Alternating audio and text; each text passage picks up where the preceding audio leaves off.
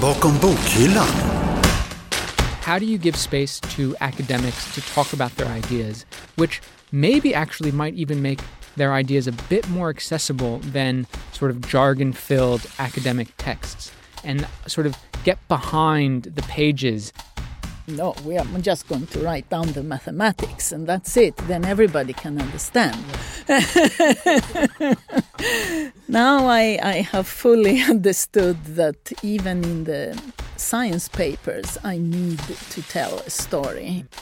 There is this issue of perception. How do we change perception on certain ideas that will then sort of engender some sort of behavioral change. That's where the science communication and the best science communication comes in. It plays with issues around emotions and affect, things like being worried or being amazed.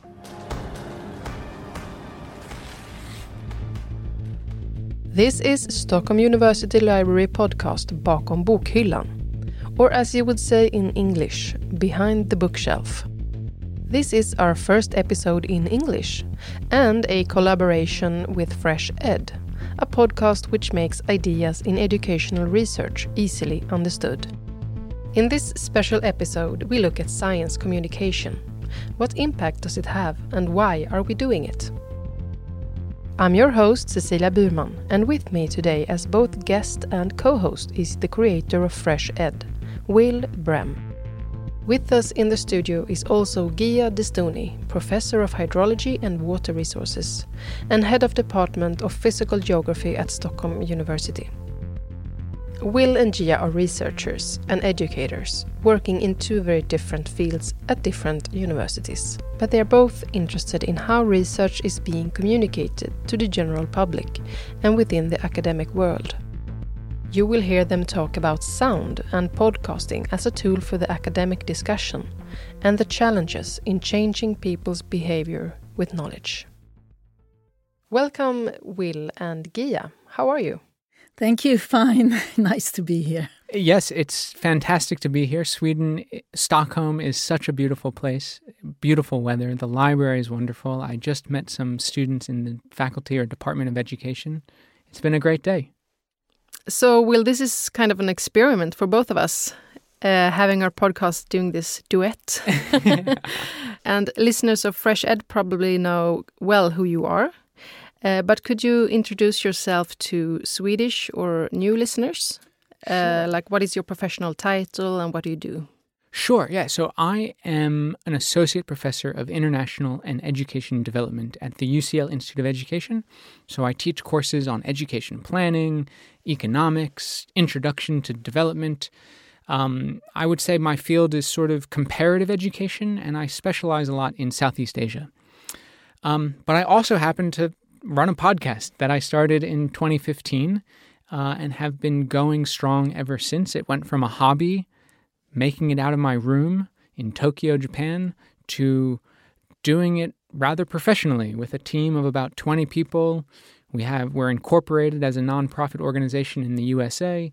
We put out w- weekly shows, we put out shows in other languages, we put out narrative-based shows, we run graduate student fellowships to help graduate students make podcasts. So we you know, there's a lot that we do with FreshEd and it's just such an privilege in a way to be able to combine my academic career with podcasting because as we'll talk about today it's becoming a really important part of our academic space.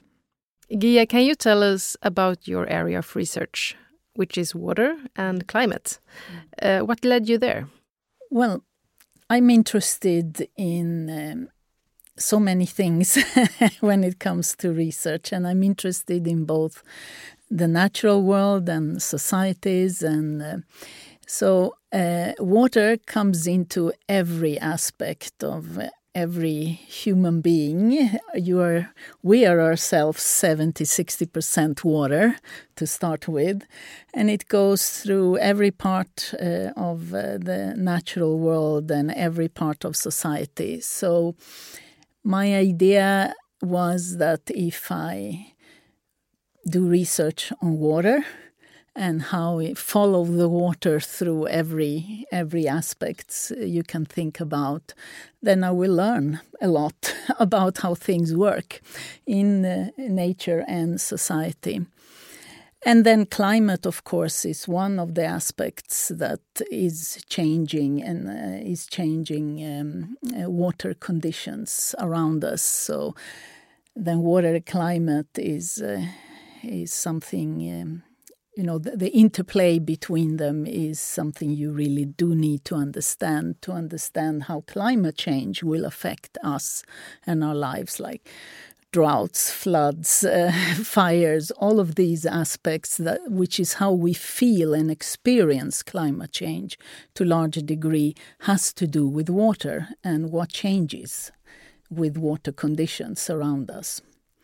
So in a way, I'm I'm following the motto of uh, NASA when they look for life in space, uh, follow the water, and that's why I do to understand the conditions of life here on Earth. With no further ado, let's uh, jump into today's topic. Uh, what does science communication mean to you? What do you say, Gia?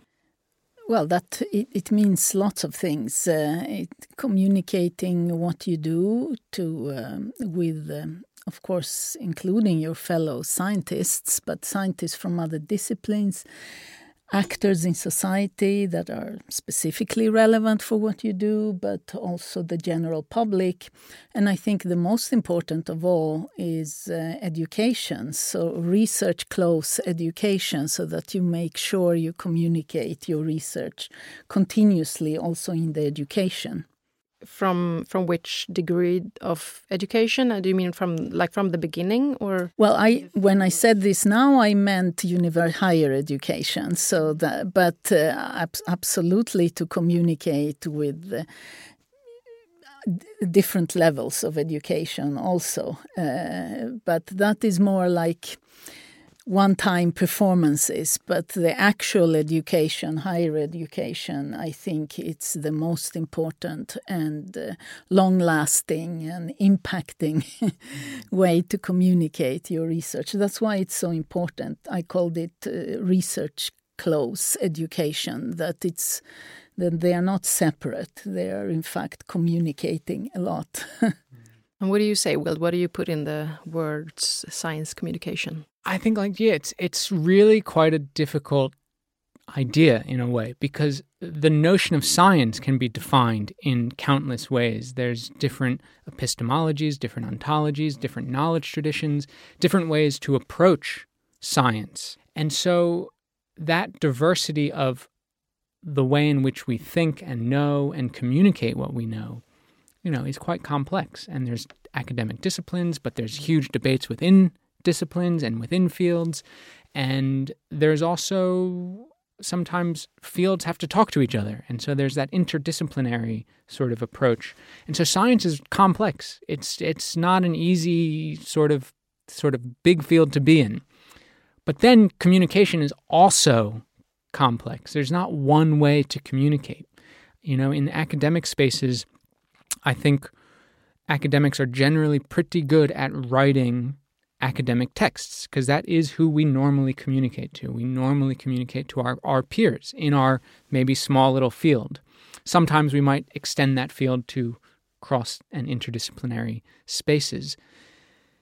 But we also communicate to government agencies, we communicate to organizations, we communicate to sort of thinking about pedagogically. We might make textbooks, we might make um, lesson plans we communicate sometimes to the general public. But now we're moving away from sort of that academic writing when you're thinking about a public audience. And how do you communicate certain scientific ideas to people that don't share the same language? And that becomes really, really challenging. And you sometimes have to move beyond the written word.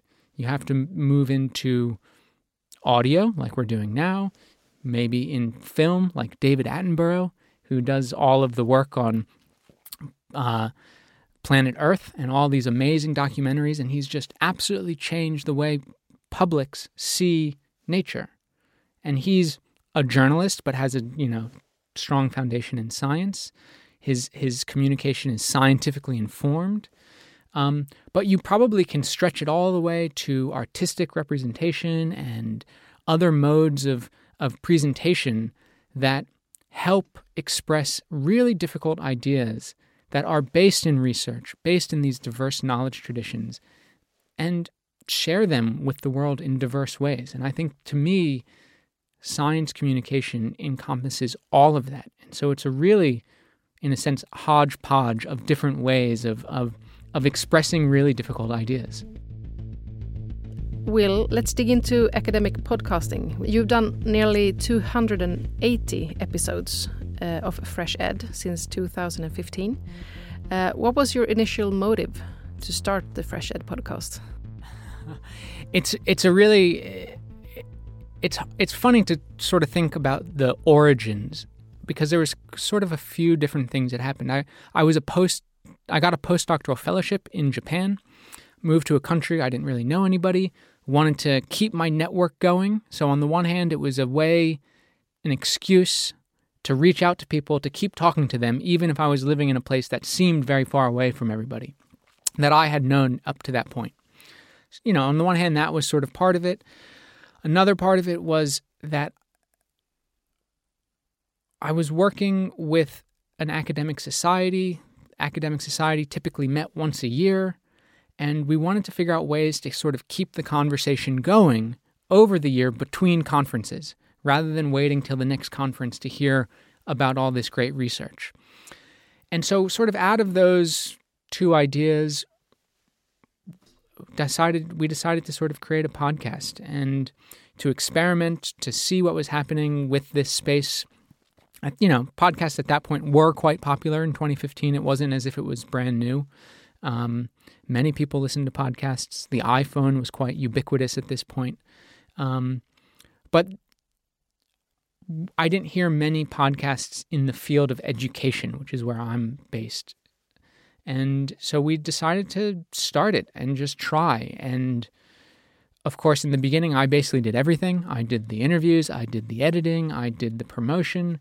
Um, and slowly but surely, it became seen as valuable by outsiders. That was sort of the most amazing thing for me. It was from the moment that I was just doing it for myself to to having hearing someone tell me, "Wow, this is actually valuable for someone else. Like I'm using this in my course or I found an article by listening to your podcast." And then that's when things really started changing and it just grew from there. And it then got funding and became an organization, and more people wanted to participate and work on it.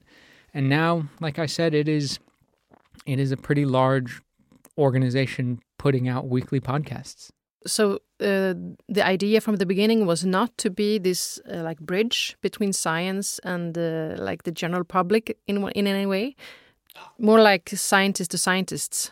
Yes. Uh, so, I mean, I wish it was about this idea of, uh, you know, communicating ideas to a general public, but it wasn't. It was really about a way for scientists to stay together and stay connected and share ideas. Um, to, you know, in the field of education, a lot of there's a lot of practitioners, and practitioners have a very hard time keeping up to date with scientific journals. They just can't read all those journal articles like academics who were, were paid to do this.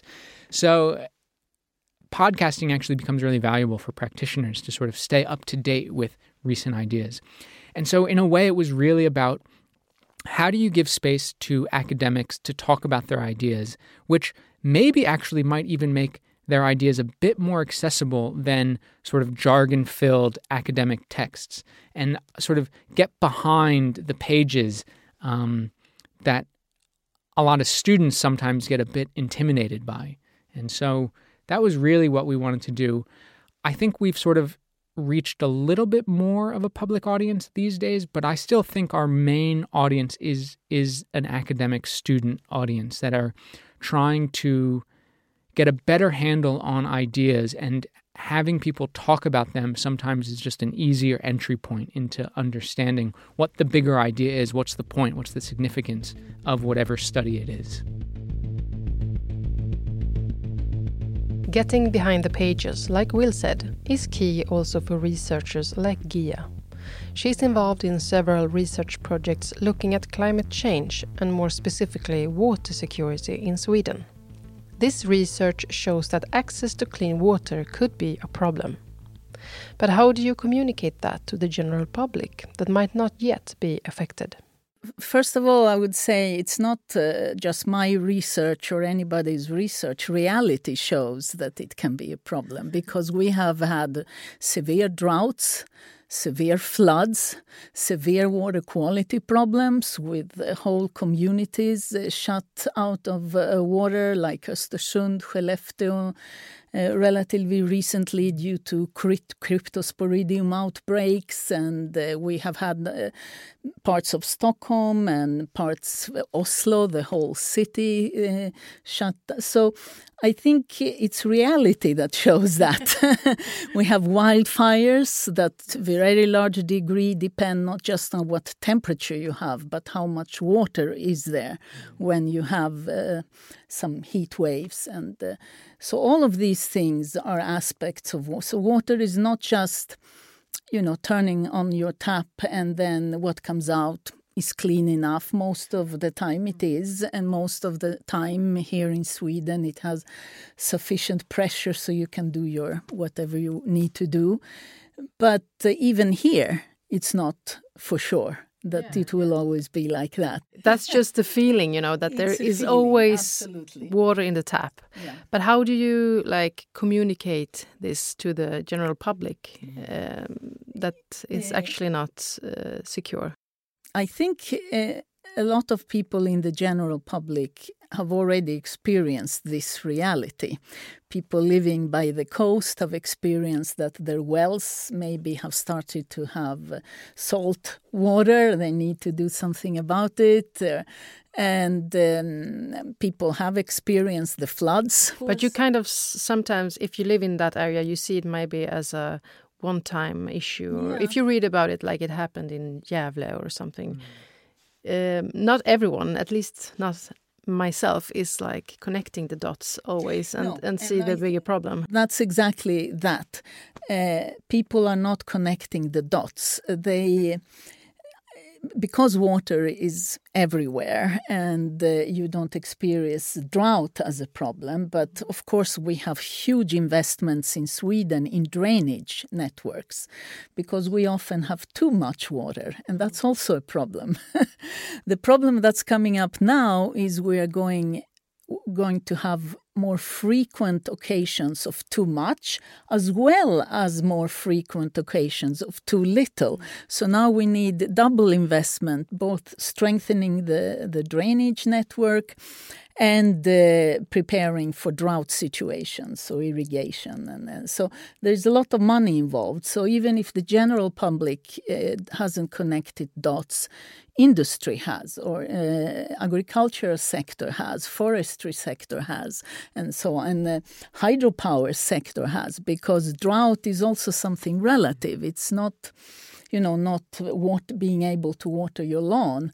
If you're producing hydropower, just a little less water than you had anticipated or planned for, uh, will cost you lots of money and can cause electricity shortages and, and so so I think uh, sect various sectors know and that was part of this project I told you about. That became clear that they know and they worry about it. Mm-hmm. And then the general public, uh, of course, um, you reach uh, the public and discuss these things uh, in uh, popular presentations and articles. And, uh, and my experience is that there is lots of interest in this, and people are very much interested and willing to learn and understand. But it's uh, uh, the problem is this: uh, we often fragment water. Uh, you know, it's either the water in the tap, or the water for irrigation, or it's water quality, or it's water quantity, and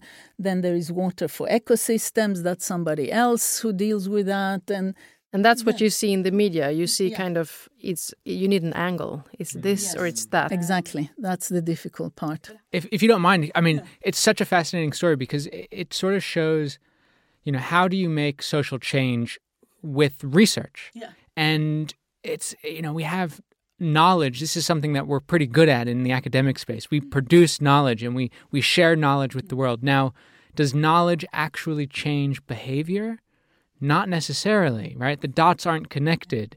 And i think one of the key things and you kept coming you kept referring to different feelings. People, you said the forestry sector worries about something about a piece of knowledge right? And it's that perception that really pushes people hmm. into action. And maybe certain industries and sectors get to it first hmm. because they have a perception that might impact their bottom line or might impact whatever some interest they have. And then therefore they change their behavior, which is sort of what the science wants. And the question is, how do you do that with the public? Hmm. Right? How do you do it with people that are just turning on the tap? How do you change their perceptions not just by giving more and more knowledge hmm. because that you know there's plenty of knowledge and we need knowledge and you know not to not not downplaying knowledge we definitely need knowledge mm-hmm. but there is this issue of perception. How do we change perceptions on certain ideas that will then sort of engender some sort of behavioral change? And i think that's where the science communication and the best science communication comes in. It plays with issues around emotions and affect things like being worried um, or being amazed and you know inspired whatever it is. There has to be some sort of emotional attachment to some of these ideas um, and so that therefore makes it how we present this knowledge is so important to think through you said two things the perception and and i have understood through all this in fact, I, I, now want to do research on people's perception because of of these types of problems because they're still I've understood more and more, but not in a systematic way. And I really think I need to we need to understand it. How mm. do people perceive these connections and, and this system that they see some parts of but mm. not the whole?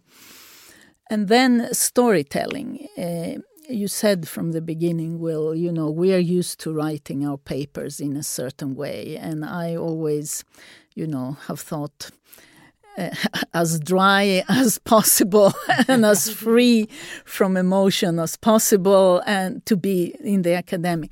But that's completely different uh, the, from how you need to communicate with um, well, other, even other scientists mm. uh, in other science communities, which we have to do a lot, mm. you have to find the right story to tell. And uh, and uh, now having understood this storytelling from first you know, oh, no, we are just going to write down the mathematics and that's it. Then everybody can understand. Yeah.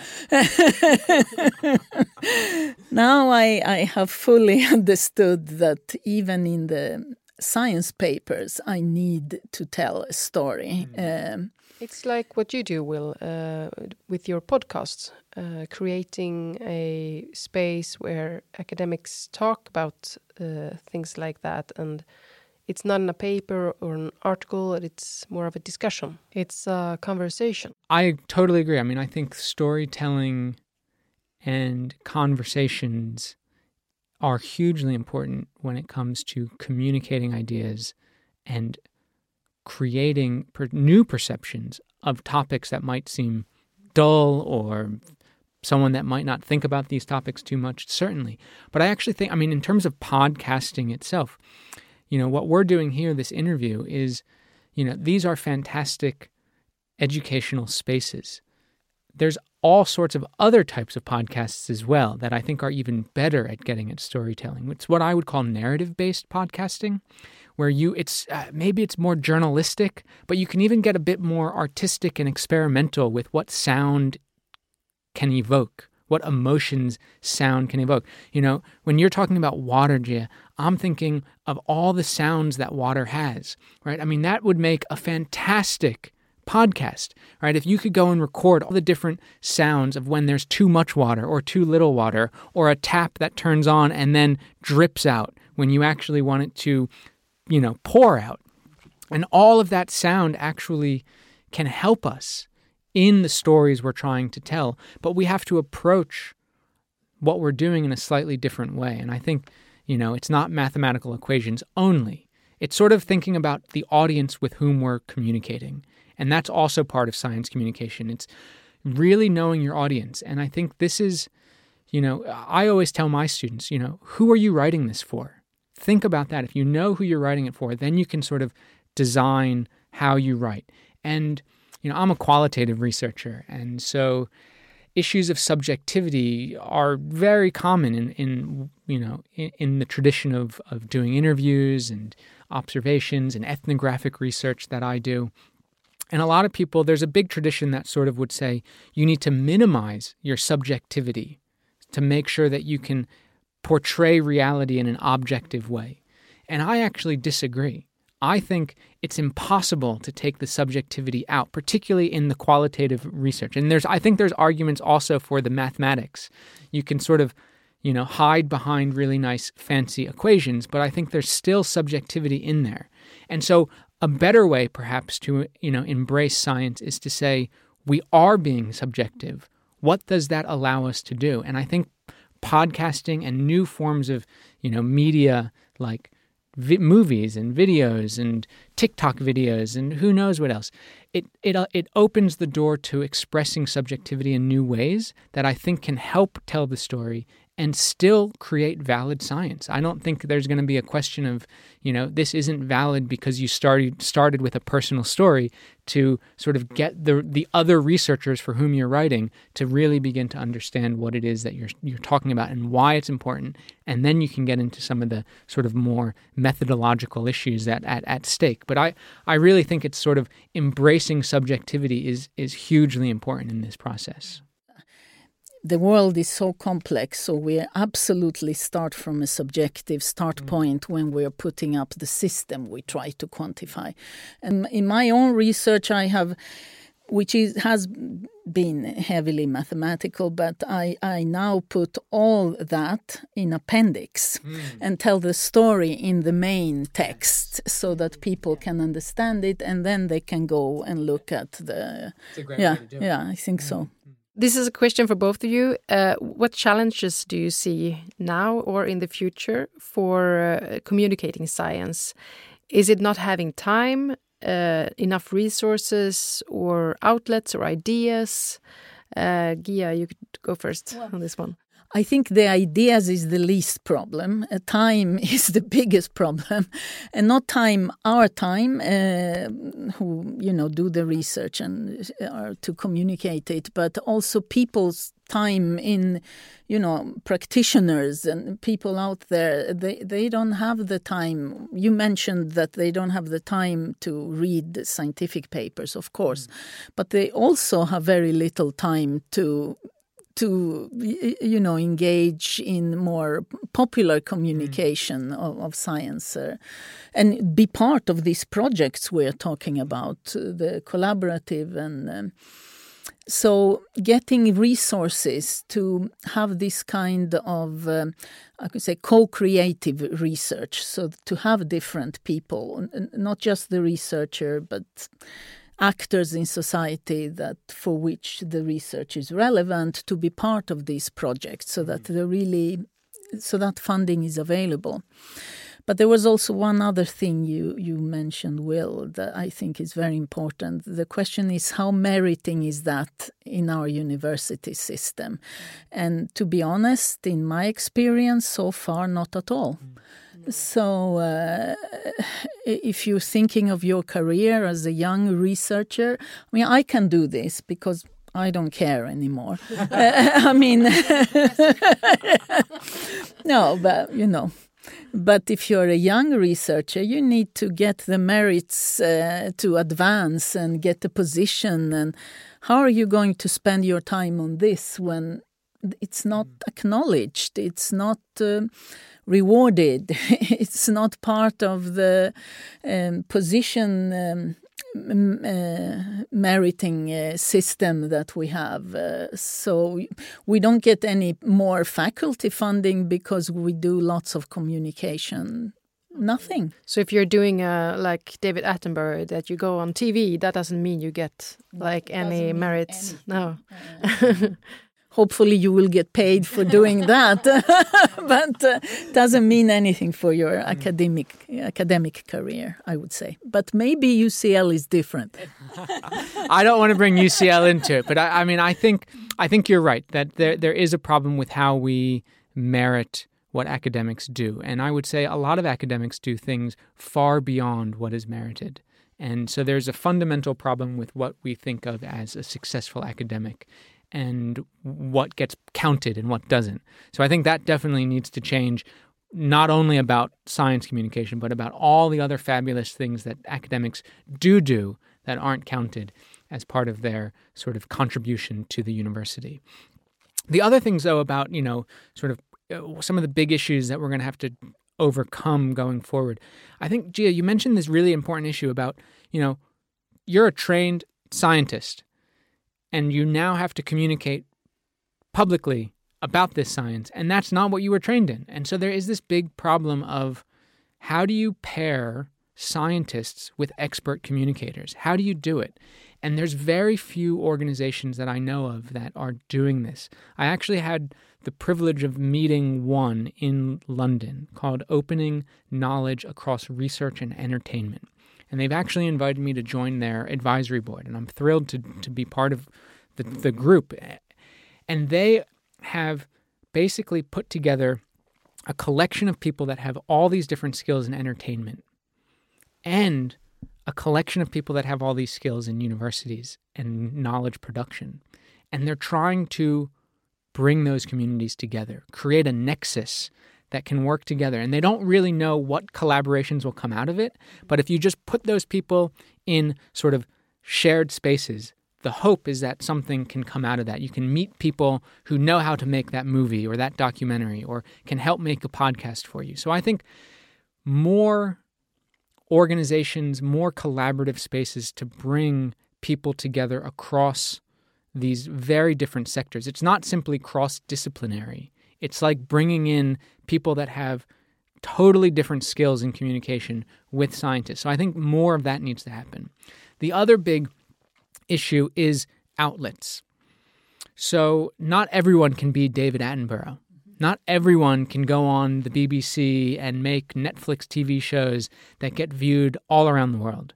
That's just not possible. And even look at David Attenborough, it took him a lifetime. Until he became global, globally famous. He was very famous for a long time in the UK, but his global popularity came when he was probably in his 70 or 80s. So you know, I, I don't think even the best science communi- communicators, you know, would not necessarily reach that global appeal like David Attenborough. And so I think we need to think about outlets and platforms that are sort of below that sort of global elite communicator. And I think those platforms don't currently exist. And the reason they don't exist is a few reasons. And I, I won't take too long. I mean, first is that a lot of research grants now that ask people to come up with sort of new outputs, creative outputs, non traditional outputs, non academic texts. Usually it's something along the lines of we'll create a website, we'll do a podcast, we'll create a video, and we'll upload it to the website.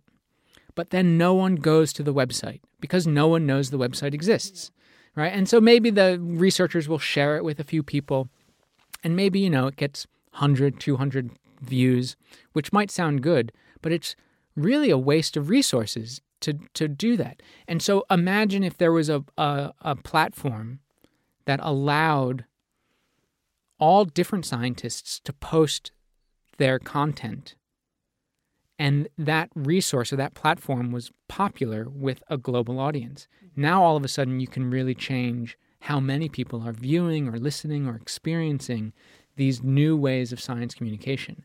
And so I think there needs to be a lot of work in how do we create a trusted platform that can actually share this knowledge with a global audience. Science communication is a large topic uh, that has a lot of potential, um, and we only scratched the surface here today. Uh, but I, at least, have learned a lot, and I hope you have too. So thank you so much for joining me here today, Will, Brehm, and Gia Destouni. Thank you so much. Thank you, Cecilia. We have learned a lot. I have learned a lot. Me too. Me too. I'm ready to go listen to some water. You have heard Gia Destouni and Will Brehm talk about science communication in this episode of Bakom Bokhyllan, a podcast from Stockholm University Library. This was our first episode in English.